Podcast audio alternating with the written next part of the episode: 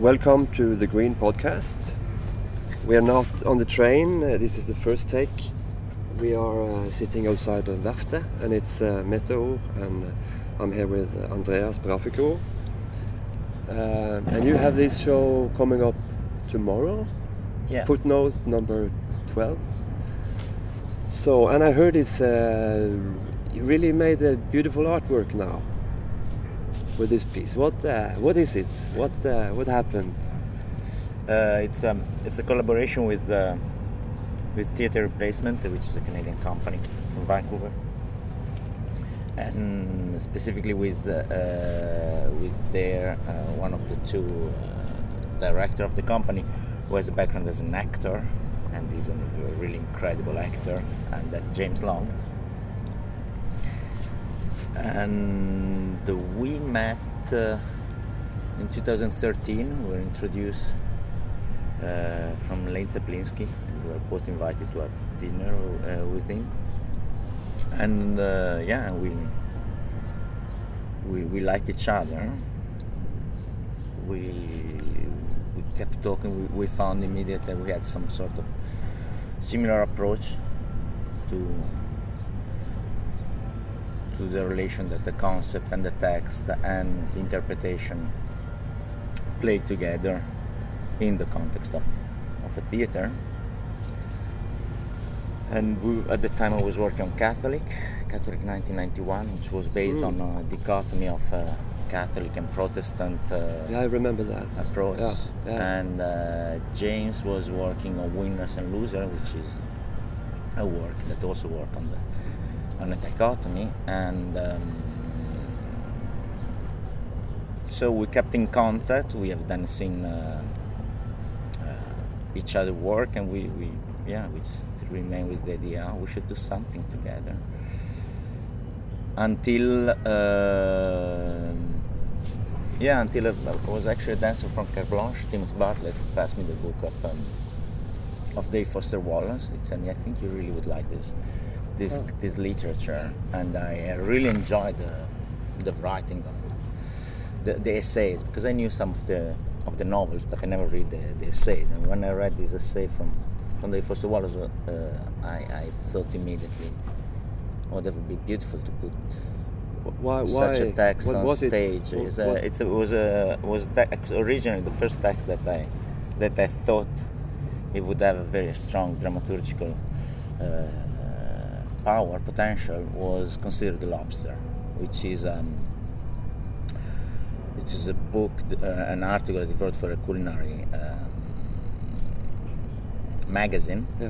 where he, uh, he goes, it's sort of a report of a lobster festival, and starting from the description, a sort of Americana description uh, of the people there, the, the, the, the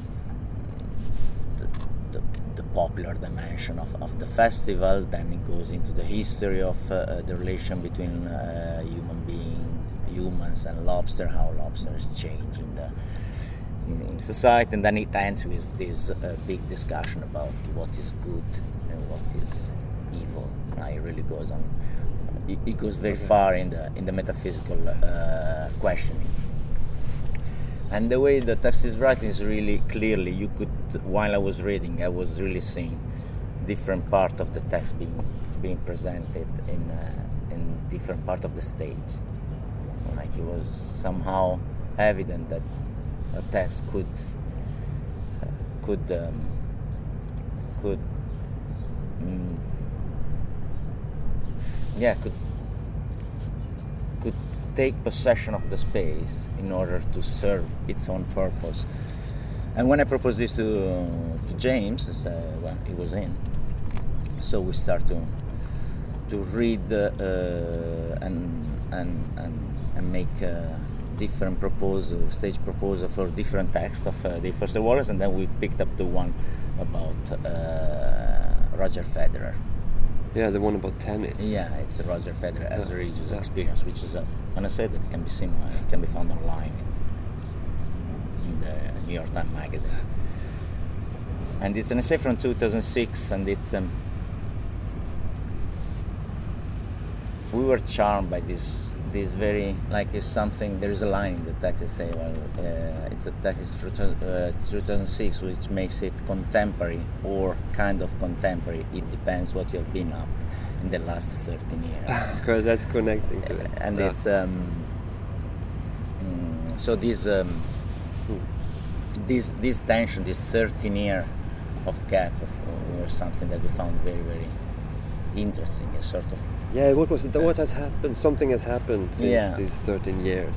yeah, that's something that like we just actually mainly we just noticed that in uh, like the essays from uh, September 2006, and then in um, in 2007 there is the iPhone coming, and the whole idea of journalism started, uh, and the relation between the way we interact with the, uh, the public debate, uh, idea of source, the idea of competence, it completely changes. And Yeah, you you- I heard you said something before, or that I picked up that uh, that this text couldn't be written today almost.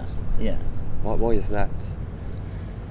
But like I don't want. Is that something that relates to the show, or Yeah, yeah, that's Yeah. something that we discuss in the show. Yeah. Like I wouldn't now. Like it's it's this sort of uh, uh, thing that exactly is it is the theater that can better uh, explain than words. That's why we have done Yeah. a show. So I wouldn't now I wouldn't enter this discussion. It probably sounds a bit mm, plain.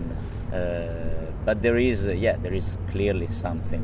Like when it, it was also very difficult to to find out what was that was making this text outdated somehow. And of course, like what makes it outdated is that it's a sport. It's speaking about a- Yeah. a tennis match, Yeah. which is from 2006. So has like sports journalism is always related to to the present in a very strong way. But but there are some some universal uh, element in sport that makes also old reports somehow actual. So there is this this tension between contemporary but it's been I- I- contemporary issues and and timeless issues. So that's we found we tried to really to bring and, and a love of language, and and the love of language. yeah, there's a lot of language. Yeah, definitely. Like the first of all is is a very a very sophisticated like a, uh, he's an exquisite writer. Like uh, there is a very precise and patient uh, research of expressions of words that makes it yeah very very interesting. And it's like what there's something in um, in, in I assume that that belongs to everybody. When we read the text there are several things happening in our in our head. Like we read the text so we understand the meaning of words. Uh, we translate it we like we translate we make a paraphrase of, of of what we are reading. That's the way of understanding the the sense the meaning not of single words but of of the of the logic of the discourse. And then we contextualize like we relate the text that we are reading to the situation that we are living in. So there is there is always an appropriation of the text in our context which is also what makes classic, classics Yeah. classics it was something Yeah. I was Yeah. discussing with uh, with the Rocky piece like how classics are those uh, those uh, work that allow appropriation by the reader. So, in with this piece, we really try to mm, to stage the process of reading.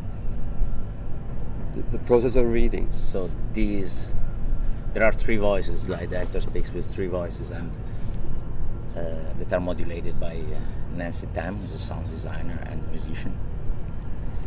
Yeah, and the three voices represent the, the three uh, different. Um, Ah. so there is a paraphrase, there is Yeah. the, the quote, the pure quote, like the beauty of the language, the meaning of, of the language, and uh, the, the sound of like how we perceive this language that you're reading, like the question that the, the, the, the moment where we, we have to reread the, the sentence before because wait, that was weird, I didn't understand Yeah. what does it mean. So this Yeah. and just yeah But now, since this podcast only should last for seven minutes, uh, we're already at eight. we're already there. so, but in the last last uh, few few words, uh, uh, why is this performance important now? Or why? Oh, yeah, you, you told you told up to about it how it how, I, no ca- I don't even know if it is important. No, so you cannot I, tell that, cannot of really course. tell this. silly question. And the urgency to do it, like I could say, what was the urgency to do it? But like a piece take two years to create. what do you want to tell with it, or I think that you- was really like yeah, how you wondering there, there, about is, that there is there is a um, a speed in the act of reading, which is very slow speed, that I think is extremely relevant by itself per se. Like not only the act of reading, it's really the speed of reading has a huge relevance in uh, in the contemporary society. The idea to pause and think and reread and, and reflect instead of just reacting and responding yeah. very quickly to a reflected way to what what is coming. So that's that I would say that's the the relevance of the nice, piece. I don't uh, know, but it's definitely like something that was for us a very very important aspect. yeah, reading slowly. Yeah, and uh, like, we always over read again. slow. Like I don't think that. Uh, oh, maybe someone read fast. I don't know. I re- I'm extremely slow in reading. I'm very very slow in reading. So. Okay, but This thank you, speed thank you, Andrea, um, and uh, um, yes, there will be another podcast coming up very soon. Thank you.